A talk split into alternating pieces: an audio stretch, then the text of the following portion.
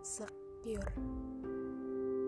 Hmm, ngerasa insecure setiap waktu itu emang gak enak. Apalagi pas lagi down banget.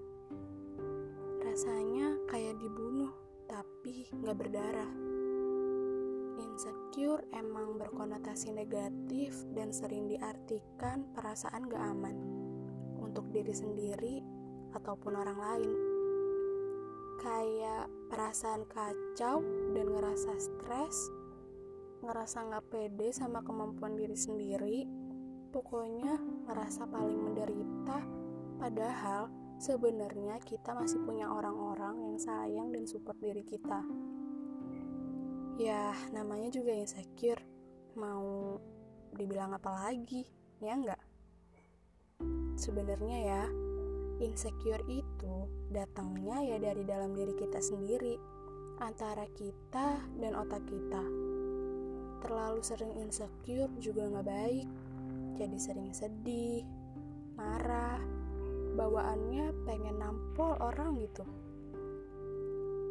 Nah, karena insecure datangnya dari diri kita dan otak kita sendiri, harusnya kita sebagai si empunya otak atau pawang otak dari otak kita sendiri bisa dan bertindak untuk ngilangin insecure itu. Minimal minimalisir lah coba didiskusin dulu sama diri kita sendiri. Kenapa kita harus insecure? Nggak usah insecure. Orang lain juga nggak bakalan gimana-gimana kok sama diri kita. Selama kita nggak ganggu orang lain kita nggak kenapa-kenapa kok kita tuh terlalu berharga loh. Daripada insecure dan diam-diam aja mending produktif. Lakuin apa aja yang membuat kita nyaman dan pede.